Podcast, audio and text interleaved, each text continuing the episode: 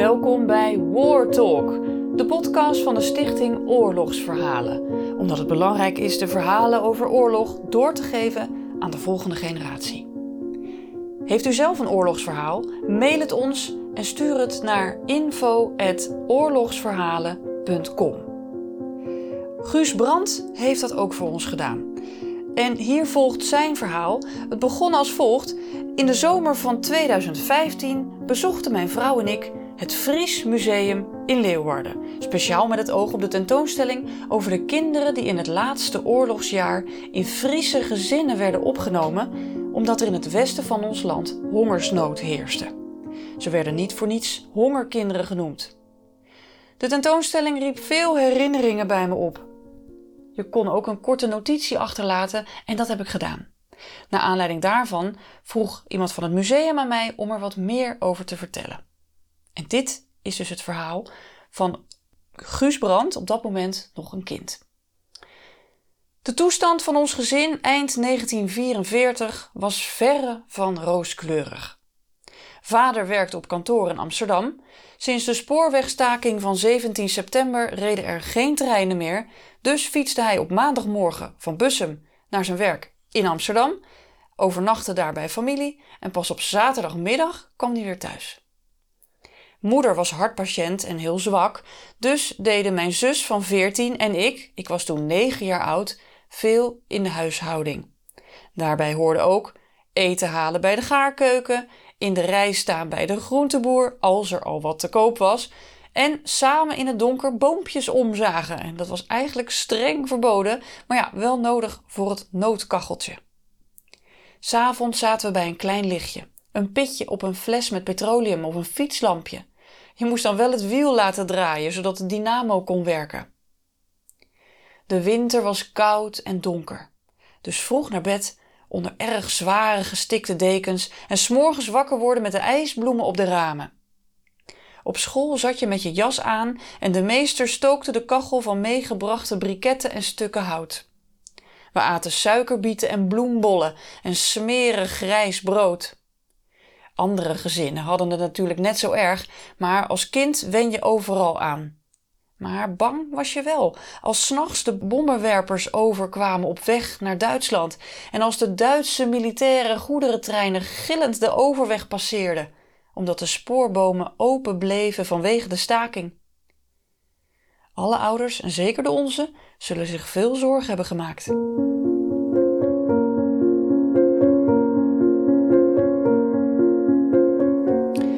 Nood van de bevolking tijdens de hongerwinter ging ook de kerken ter harte. Het interkerkelijk overleg regelde voor kinderen uit het Gooi vervoer naar Friesland, waar nog eten was. Mijn zus schreef een brief of wij ook mee mochten. Je moest wel voor een keuring naar een dokter en dat mocht niet je huisarts zijn. We mochten gelukkig mee. Moeders gezondheidstoestand zal wel een grote rol hebben gespeeld. We vertrokken op een zaterdagmiddag, half februari 1945, vanaf een verzamelpunt in Bussum met platte wagens met paarden naar de haven van Huizen en vandaar per schip over het IJsselmeer naar Friesland. Het was een tocht om nooit te vergeten. Het ruim van het schip was bedekt met stro, daar lag je op. Bij het zwakke licht van een lamp ging voor het slapen gaan ook nog de po rond. En als je nog nooit hebt gevaren, dan is het deinen op de golven best eng. De volgende morgen waren we in Bolsward. Daar werden we opgevangen in de bibliotheek en we kregen er soep en brood. Toen weer verder op boerenwagens naar Sneek. Bij de Martinikerk werden alle kinderen verdeeld en gingen ze met hun pleegouders mee naar huis. Ik kwam terecht bij oudere mensen, de familie De Rapper op de Kerkgracht. Mijn zus kwam in huis bij de familie De Boer, vlak bij de Waterpoort. We gingen meteen aan tafel en ik werd met de beste bedoelingen volgestopt met veel te zwaar en te vet eten. Dat is me niet best bekomen.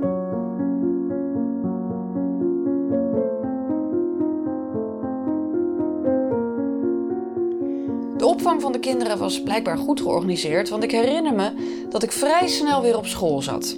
Het was niet moeilijk de weg in Sneek te vinden en er was voor een kleine jongen veel te zien. Op het grote plein bij de brandweerkazerne stonden de vrachtrijders die mensen en goederen vervoerden naar omliggende plaatsen. In een muziekwinkel zat een blinde meneer piano te spelen. Ik mocht al snel boodschappen doen in het kaaswinkeltje van Sibrandi. Die naam alleen al maakte het spannend, schrijft Guus.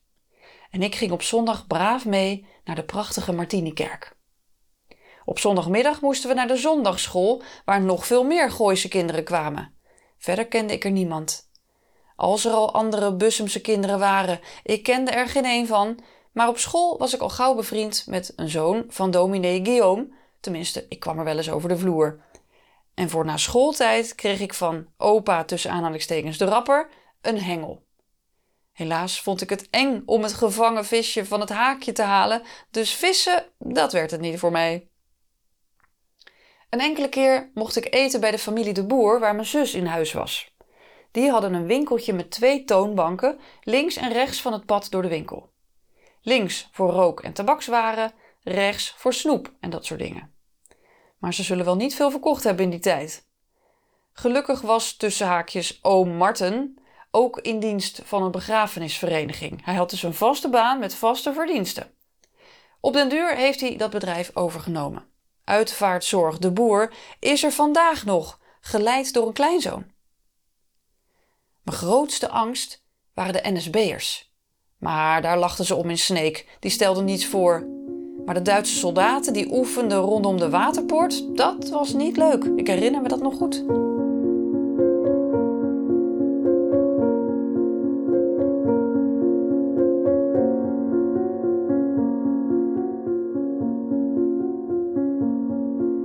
Zus en ik waren allebei in huis bij hervormde mensen.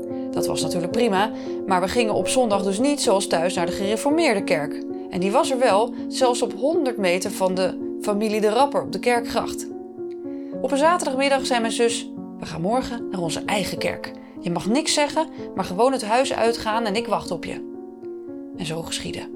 Met bonzend hart verliet ik het huis en samen gingen we naar de Noorderkerk. Twee kinderen van 14 en 9 tussen wildvreemde mensen, maar ja, wel gereformeerde mensen en dat gaf een goed gevoel. Dominee Guillaume leek een beetje op onze huisarts. Dat was ook al geruststellend. Vraag niet, daar hadden wij als kinderen dus ook nooit aan gedacht, hoe ongerust onze pleegouders waren. Ik weet het niet meer, maar ik denk dat we flink op onze kop hebben gekregen. In elk geval zaten we de volgende zondag weer gewoon in de Martinikerk.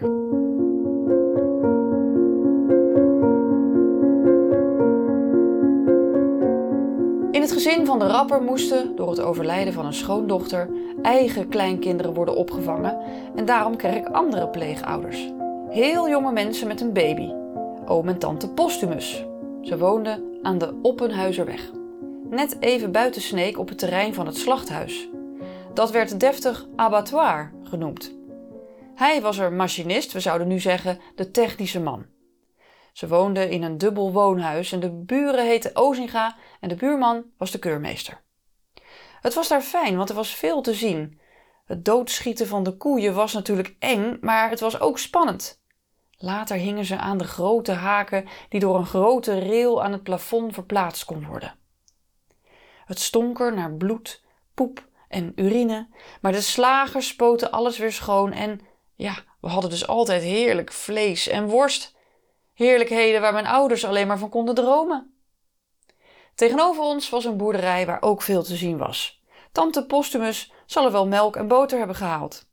Ik groeide en groeide en speelde onbezorgd op het terrein, geboeid door de zeilboten, BM'ers, vertelde ze mij, die van de haven over de brede Haukersloot richting het Snekermeer voeren. Wel moest ik ineens naar een andere school, de Schipperschool, die gehuisvest was in de Jan van Nassau school achter de Martinikerk. Waarschijnlijk vanwege het kleinschalige onderwijs.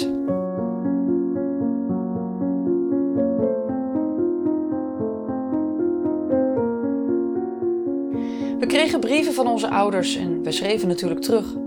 Of dat per post of via het Rode Kruis ging, weet ik eigenlijk niet meer. En ook niet hoe lang die brieven erover deden.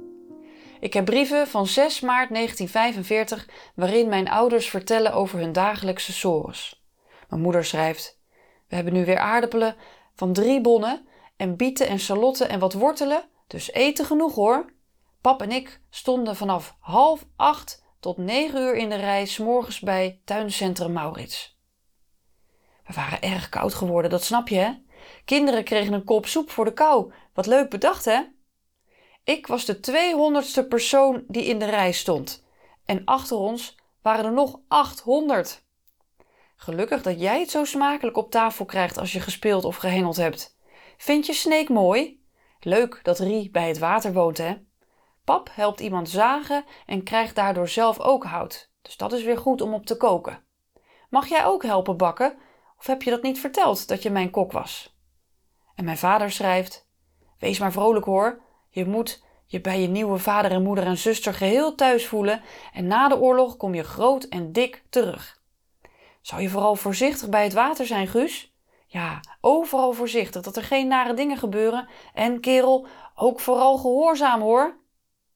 Als je s'avonds naar bed gaat, bid je maar elke avond voor elkaar. Hè? Dat geeft moed en het is dan of we telkens weer heel, heel dicht bij elkaar zijn. Achteraf, wanneer je zelf kinderen hebt, besef je pas hoe dat voor ouders geweest moet zijn. Wanneer je kinderen ver van huis bij wildvreemde mensen wonen. Je kunt ze niet zien of spreken, je weet of hoopt alleen maar dat ze in goede handen zijn. En dat laatste was gelukkig waar. Mijn zus en ik hebben nog steeds heel goede herinneringen aan die lieve mensen in Sneek.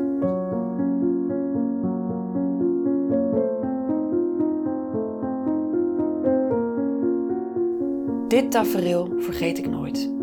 Zondagmorgen 15 april. Dominee Kenty was midden in zijn preek. Toen klom de koster de kansel op en fluisterde de predikant iets in het oor. De dominee zei: Beste mensen, wij gaan nu de dienst beëindigen, want de bevrijders komen eraan. De Duitsers zijn van plan bruggen op te blazen, dus u moet zien dat u snel thuis komt. Achteraf is dat niet gebeurd van die bruggen. Ik mocht middags mee met oom Postumus. Het was in het centrum bij het stadhuis een drukte van belang. De Canadezen konden elk moment komen. Ik herinner mij iets van een gebouw dat in brand stond. Daar lagen gegevens van Duitsers, die moesten kennelijk vernietigd worden. Maar de bevrijders kwamen pas de volgende dag. Ik herinner mij de wonderlijk kleine auto's, jeeps, met hun linnen dak en grote antennes die uit de richting van Heerenveen aankwamen rijden. En natuurlijk de tanks, de vrachtwagens en ander oorlogstuig. Snake was bevrijd! Iedereen was dol gelukkig. De Canadezen sloegen letterlijk hun tenten op rondom het abattoir. Ik stond natuurlijk met mijn neus vooraan, vroeg postzegels aan de soldaten en a cigarette for my papa. Het eerste Engels dat ik ooit sprak. Die sigaret kreeg ik en die heb ik inderdaad bij mijn thuiskomst aan mijn vader gegeven. Eens stond ik met andere kinderen in de rij voor het witte brood dat over was. Ik kreeg een boterham dik besmeerd met boter. Ik holde ermee naar huis en mijn tante zei: Ho, witte brood, mag ik ook een hapje? En toen ze dat genomen had, zei ze: Ach, er zit margarine op. Wij hadden kennelijk altijd roomboter gegeten. De soldaten die veel belangstelling hadden voor snekermeisjes, lieten ook wel eens wat achter in de bosjes naast het abattoir. Eens kwam ik thuis met een ballonnetje dat ik van tante direct weg moest gooien. En goed handen wassen. Ja, Guus. Maar ja, wist hij veel. Hij was negen. Op de avond van de 4e mei luisterden we in het kantoortje van Ozinga naar de radio. Nederland was bevrijd. De volgende dag stuurde mijn zus via het Nederlandse Rode Kruis een telegram naar Bussum. Lieverds, vrij! Hartelijk gefeliciteerd! Ook voor 27 april, de verjaardag van hun vader. Hoop op bericht retour. Hier alles uitstekend. Guus ook best. Sturen spoedig iets. Leven de koningin. Rie, Guus, pleegouders. Ik vierde op 24 mei 1945 mijn tiende verjaardag in bevrijd Nederland.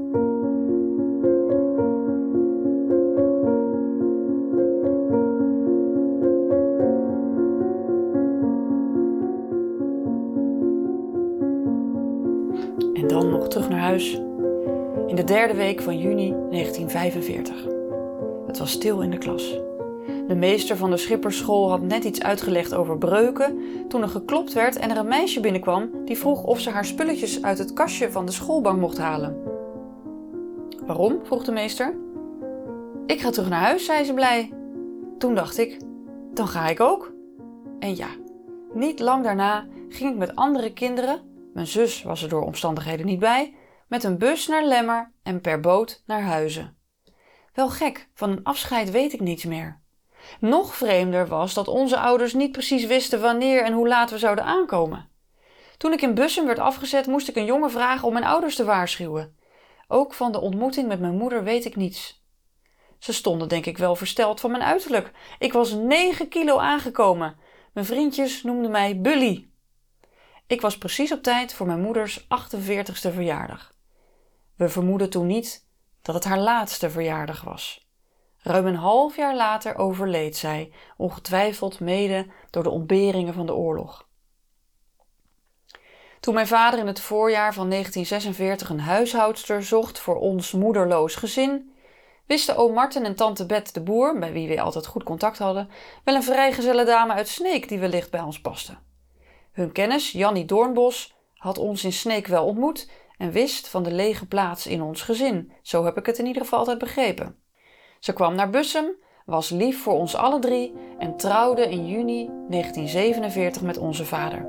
Ze werd de moeder van onze broers. Op die manier is ons verblijf in Sneek altijd van grote betekenis gebleven voor ons hele gezin.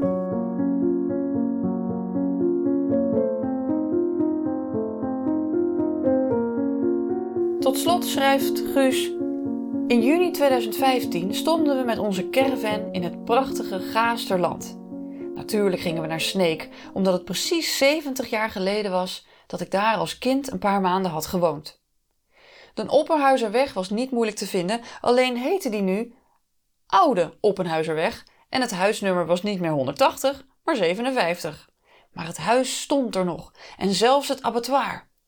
Dat was omgetoverd tot een prachtig partycentrum en een kookstudio. Een heer die in de tuin bezig was, vroeg wat ons daar bracht. En toen hij mijn verhaal hoorde, leidde hij ons vol trots rond over het hele terrein. In het gebouw hingen notabene nog de rails met de vleeshaken als herinnering aan de oorspronkelijke bestemming van het gebouw. Later kreeg ik van de eigenaar, de heer Hanenburg, op mijn verzoek nog een paar mooie foto's van het hoofdgebouw en het dubbele woonhuis. De foto's kunt u op de website terugvinden. En dat maakt de herinneringen compleet die Guus als negenjarig had. Begonnen als mager hongerkind en gelukkig liefdevol opgevangen door fijne mensen uit Sneek, waardoor die 9 kilo aankwam. Gelukkig maar. En Guus schrijft tot slot: Ik heb inmiddels mijn 80ste verjaardag in goede gezondheid mogen vieren, mede dankzij hem. Guus, ontzettend bedankt voor dit verhaal. Fantastisch dat we dit kunnen nalezen en dat het bewaard blijft voor de volgende generatie. Heeft u ook een oorlogsverhaal? Het mag ook een verhaal zijn van bijvoorbeeld een familielid, maar u wil graag dat het bewaard blijft voor de volgende generatie. Schrijf het dan op, mail het naar ons, stuur het naar info@oorlogsverhalen.com. We kijken er naar uit. En heel graag tot de volgende keer.